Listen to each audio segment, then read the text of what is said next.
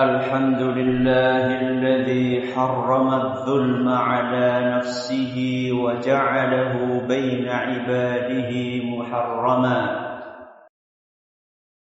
وجعل عاقبة الظلم دمارا على أهله وهلاكا ومأثما. فتلك بيوتهم خاوية بما ظلموا فبئس المصير لمن بغى. ونشهد أن لا إله إلا الله وحده لا شريك له. شهادة نرجو بها عالي الجنان نزلا. ونشهد أن سيدنا محمدا عبده ورسوله المبعوث إلى كافة القرى وعلى آله وأصحابه الذين أقاموا العدل فيما ولوا عليه فأكرم بهم أولياء. أما بعد أيها المؤمنون اتقوا الله تعالى واحذروا الظلم فإن الظلم ظلمات ظلمات في القلب وظلمات على الوجه وظلمات في القبر وظلمات يوم القيامة Jamaah Jumat rahimahumullah. Marilah kita tingkatkan ketakwaan kita kepada Allah tabaraka wa taala dengan ketakwaan yang sebenar-benarnya yaitu dengan menjalankan apa yang diperintahkan oleh Allah dan Rasulnya sallallahu alaihi wasallam serta menjauhi apa yang dilarang oleh Allah dan Rasulnya sallallahu alaihi wasallam. Jamaah Jumat yang semoga dimuliakan Allah. Panas yang maha dahsyat ketakutan yang menghantui, kebingungan yang berlipat-lipat, dan ketidakpedulian manusia terhadap para kekasih terdekatnya. Ini hanyalah sekelumit gambaran tentang mengerikannya keadaan di hari kiamat. Dalam kondisi yang begitu menyeramkan, Selain merasakan berbagai keadaan tersebut di atas, tidak sedikit para manusia yang harus terjebak di dalam kegelapan yang mencekam. Tidak mengetahui arah atau jalan yang seharusnya dititi. Siapakah mereka? Siapakah mereka yang begitu malang nasibnya? Mereka antara lain adalah orang-orang yang gemar untuk melakukan kezaliman. Rasulullah sallallahu alaihi wasallam mengingatkan, "Ittaqud dzulm." Hati-hatilah kalian dari perbuatan zalim. Fa inna dzulma dzulumatun yaumal qiyamah. Karena sesungguhnya Kezaliman adalah kegelapan yang sangat gelap pada hari kiamat. Hadis riwayat Muslim. Sidang Jumat yang berbahagia. Di dalam bahasa Arab, zalim bermakna meletakkan sesuatu bukan pada tempatnya. Asal kata zalim adalah kejahatan dan perbuatan yang melampaui batas. Demikian keterangan yang dibawakan oleh Imam Ibnul Athir di dalam kitabnya An-Nihayatu fi Gharibil Hadis. Kezaliman sangat beragam dan bertingkat-tingkat keparahannya. Kezaliman yang paling parah dan yang paling berat siksanya adalah perbuatan syirik. Allah Subhanahu wa taala berfirman, Inna syirka ladulmun azim. Sesungguhnya syirik itu benar-benar kezaliman yang sangat berat. Al-Quran surat Luqman ayat 13. Mengapa? Perbuatan mempersekutukan Allah dikategorikan termasuk kezaliman. bahkan merupakan kezaliman yang paling parah. Pertanyaan ini akan terjawab bila mana kita kembalikan kepada definisi kezaliman, yakni meletakkan sesuatu bukan pada tempatnya. Pelaku kesyirikan sejatinya telah meletakkan ibadah bukan pada tempatnya yang benar. Sebab ibadah hanya boleh ditujukan kepada Allah tabaraka wa taala. Sedangkan mereka justru mempersembahkannya kepada benda-benda mati atau para makhluk yang lemah. Sangat naif memang perbuatan mereka. Allah tabaraka wa taala yang telah begitu banyak memberikan karunia nikmat kepada mereka, justru mereka balas dengan bersyukur kepada selainnya. Allah yang telah mengaruniakan panen padi yang melimpah ruah kepada mereka. Justru mereka berterima kasih kepada Dewi Sri dengan memaparkan berbagai sesaji di pojok-pojok sawah. Allah telah mengaruniakan hasil laut yang begitu beragam kepada mereka. Malah mereka berterima kasih kepada Nyi Roro Kidul dengan mempersembahkan kepala sapi yang dilarung di dalam upacara yang begitu khidmatnya. Allah telah mengaruniakan kesuksesan bisnis, kelulusan anak, dan kemajuan perusahaan mereka justru melakukan safari berbagi nadar ke berbagai kuburan keramat. Begitulah kedoliman yang paling zalim. Maka wajar bila dosa ini tidak akan diampuni oleh Allah tabaraka wa taala bila seorang hamba meninggal dalam keadaan belum bertaubat darinya. Sebagaimana ditegaskan di dalam Al-Quran, Inna Allah la yaghfiru an yushraka bih, wa yaghfiru ma duna thalika liman yasha. Sesungguhnya Allah tidak akan mengampuni dosa syirik dan dia akan mengampuni dosa yang di bawahnya bagi siapa yang dikehendakinya. وَمَنْ يُشْرِكْ بِاللَّهِ فَمَدِفْتَرَىٰ إِثْمًا عَظِيمًا Barang siapa yang mempersekutukan Allah, maka sungguh dia telah berbuat dosa yang sangat besar. Al-Quran Surat An-Nisa ayat 48. Para hadirin dan hadirat rahimakumullah. Jenis kezaliman yang kedua adalah kezaliman seorang hamba kepada dirinya sendiri. Yakni dengan melakukan berbagai perbuatan dosa dan maksiat yang hanya merugikan dirinya sendiri. Saat seorang berzina, saat seorang berzina dan menenggak minuman keras, walaupun dia merasakan kenikmatan saat itu, sejatinya dia sedang menganiaya dan menyakiti dirinya sendiri. Sebab setelah kenikmatan sesaat itu, dia akan menuai kegelisahan, kegundah gulanaan dan ketergantungan akut terhadap perbuatan nista tersebut. Itu baru akibat yang akan dirasakannya di dunia. Belum lagi kehinaan dan azab yang tidak terperikan kelak di alam kubur serta di neraka jahanam naudzubillahi min dzalik. Barang siapa yang terjerumus di dalam perbuatan menganiaya diri sendiri akan tetapi dia segera sadar lalu mengingat Allah dengan bertaubat dan beramal saleh, niscaya dia akan diampuni oleh Allah yang Maha Pengampun lagi Maha Penyayang. Walladzina idza fa'alu fahishatan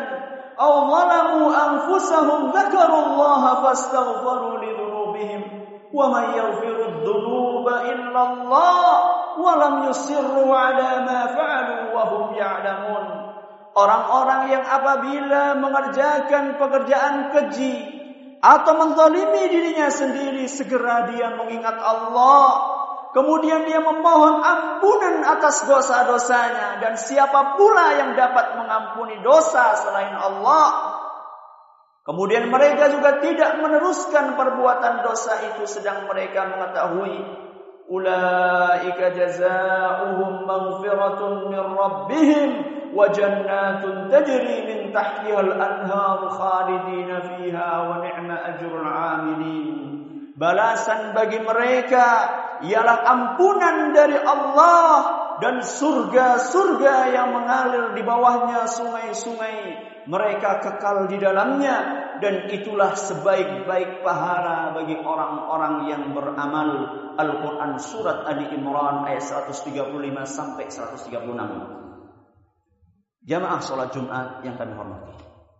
Adapun jenis kezaliman yang ketiga adalah bentuk perbuatan zalim yang sering diremehkan oleh banyak manusia. Padahal resikonya amatlah berat. Kezaliman yang tidak akan pernah diabaikan oleh Allah Taala dan tidak akan dibiarkan begitu saja tanpa pembalasan. Kezaliman tersebut adalah kezaliman seorang hamba kepada sesamanya. Dalam sebuah hadis qudsi Allah Jalla wa ala mengingatkan ya ibadi wahai para hambaku Inni haramtu zulma ala nafsi wa ja'altuhu bainakum muharraman fala tadhalamu. Wahai para hambaku sungguh aku telah mengharamkan kezaliman atas diriku dan aku juga mengharamkan kezaliman atas kalian. Maka janganlah kalian saling menzalimi. Hadis riwayat Muslim. Kezaliman jenis ini sangat banyak potretnya dan bertebaran di mana-mana. Mulai dari lingkungan terdekat dengan kita hingga yang berada di non jauh sana. Pelakunya pun amat beragam, mulai dari orang cilik hingga para pembesar, mulai dari perampok hingga yang berpenampilan alim, para suami.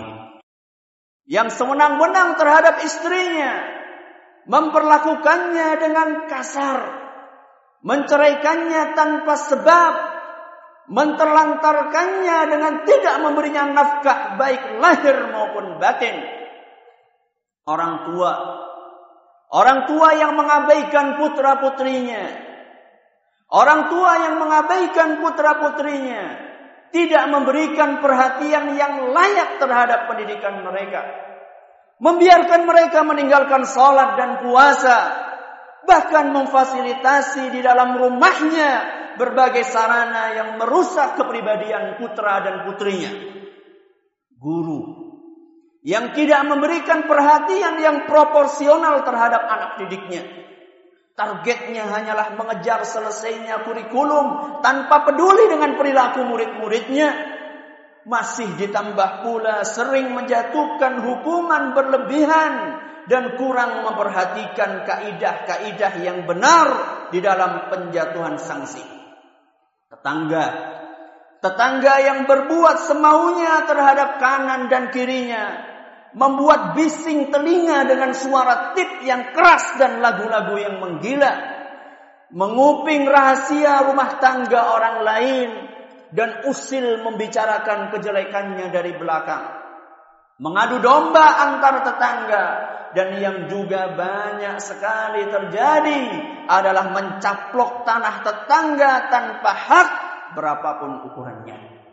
Penguasa Penguasa yang zalim dan berbuat sewenang-wenang terhadap rakyatnya. Seperti yang dialami saudara-saudara kita, para penduduk negeri Suriah. Mereka telah terusir dari kampung halamannya sendiri.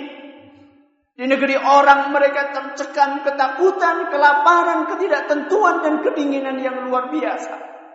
Kaum muslimat dinodai kehormatannya, dan jangan tanyakan mengenai korban yang terbunuh di sana.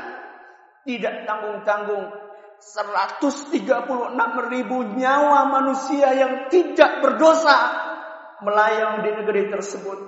Inna lillahi wa inna ilaihi raji'un. Masyarakat muslimin rahimakumullah. Ketoliman ini bukan hanya dilakukan oleh orang-orang fasik atau orang-orang kafir saja Tapi juga amat disayangkan perbuatan zalim ini menjangkiti sebagian saudara kita yang terlihat berpenampilan alim dan berbusana islami. Sebagian dari mereka begitu mudah memfonis sesat saudaranya, melontarkan tuduhan dan fitnah hanya berdasarkan berita burung yang tidak jelas kebenarannya. Menjauhkan umat dari para dai penyeru kebaikan Parahnya semua itu dibungkus dengan label amar ma'ruf dan nahi mungkar. Sadarlah wahai saudaraku. Sadarlah wahai saudaraku bahwa setiap ucapan yang kita lontarkan atau SMS yang kita kirimkan atau tulisan yang kita upload di jejaring sosial semuanya ini akan kita pertanggungjawabkan kelak di hadapan Allah yang Maha Adil wala taqfu ma laysa laka bihi ilm. Janganlah engkau mengikuti sesuatu yang tidak engkau ketahui. Inna sam'a wal basara wal fuada kullu ulaika kana anhu mas'ula. Karena pendengaran, penglihatan dan hati nurani semua ini akan dimintai pertanggungjawabannya. Al-Quran Surat Al-Isra ayat 36. Barakallahu li wa lakum fil Qur'anil azim. ونفعني وإياكم بما فيه من الآيات والذكر الحكيم. أقول قولي هذا وأستغفر الله لي ولكم ولكافة المسلمين من كل ذنب. فاستغفروه إنه هو الغفور الرحيم.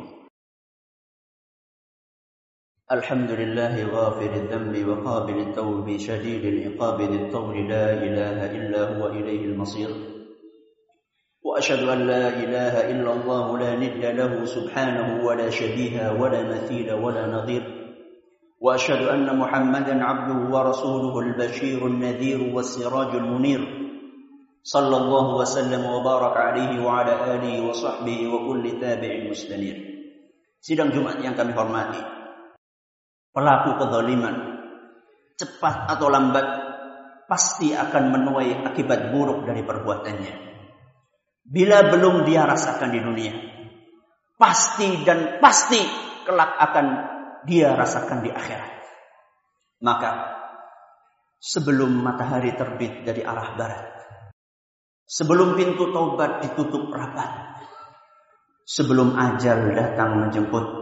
Dan sebelum terlambat bertobatlah kepada Allah. Bertobatlah kepada Allah. Mintalah maaf kepada orang-orang yang didolimi Rasulullah sallallahu alaihi wasallam mewanti-wanti Man kanat lahu madlamatun li ahadin min 'irdihi aw shay'in falyatahallalhu minhu al-yawm. Barang siapa yang menzalimi seseorang entah itu di dalam harga dirinya atau yang lainnya hendaklah dia minta maaf kepadanya detik ini juga. Qabla an la yakuna dinarun wala dirham sebelum datang hari di mana emas dan perak tidak lagi berguna. Hadis riwayat Bukhari. Adapun mereka yang merasa enggan, adapun mereka yang merasa enggan atau gengsi untuk meminta maaf kepada saudaranya, maka nantikanlah kebangkrutan total kelak di hari kiamat. Saat pahala mereka habis dilimpahkan kepada orang-orang yang dizaliminya, dan tumpukan dosa orang-orang yang didoliminya akan dibebankan kepada mereka. Rasulullah sallallahu alaihi wasallam bertutur, "Atadruna mal muflis?" Tahukah kalian siapa orang yang bangkrut itu? Para sahabat menjawab, "Al-muflisu fina man la dirham lahu wa la mata'." Wahai Rasul, orang yang bangkrut adalah orang yang tidak punya duit. Orang yang tidak punya barang perniagaan, Kemudian Nabi Shallallahu Alaihi Wasallam melanjutkan Innal muflisa min ummati. Orang yang benar-benar bangkrut di antara umatku. Man ya'ti yawmal qiyamati bi salatin wa siyamin wa zakat. Adalah orang-orang yang nanti pada hari kiamat dia akan menghadap kepada Allah dengan membawa pahala puasa, salat dan zakat wa ya'ti syatama hadza. Namun orang ini datang menghadap Allah Subhanahu wa taala dalam keadaan selain melakukan amal-amal soleh tadi, Dia juga suka memaki orang lain. Wa qadhafa dan menuduh orang lain. Wa akala mala dan memakan harta orang lain. Wa safaka dama wa daraba menumpahkan darah orang lain dan juga memukul orang lain. Fayu'ta hadha min hasanatihi wa min hasanatihi.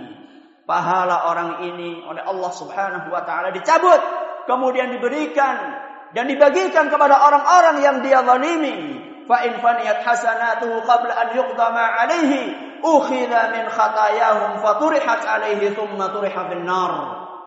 Seandainya pahala orang ini sudah habis, karena dibagikan kepada orang-orang yang didolimi. Sedangkan orang-orang yang didolimi masih banyak menanti pahalanya. Sedangkan pahalanya sudah habis.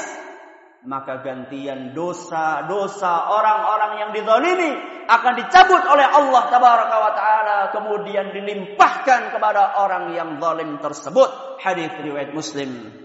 Untayan nasihat nabawi Yang menjadi peringatan keras bagi para pelaku kondoliman sekaligus hiburan yang menenangkan hati orang-orang yang dizalimi. هذا وصلوا وسلموا رحمكم الله على الصادق الأمين كما أمركم بذلك مولاكم رب العالمين فقال سبحانه إن الله وملائكته يصلون على النبي يا أيها الذين آمنوا صلوا عليه وسلموا تسليما اللهم صل على محمد وعلى آل محمد كما صليت على إبراهيم وعلى آل إبراهيم إنك حميد مجيد.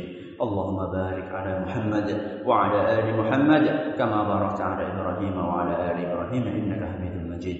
ربنا ظلمنا أنفسنا وإن لم تغفر لنا وترحمنا لنكونن من الخاسرين.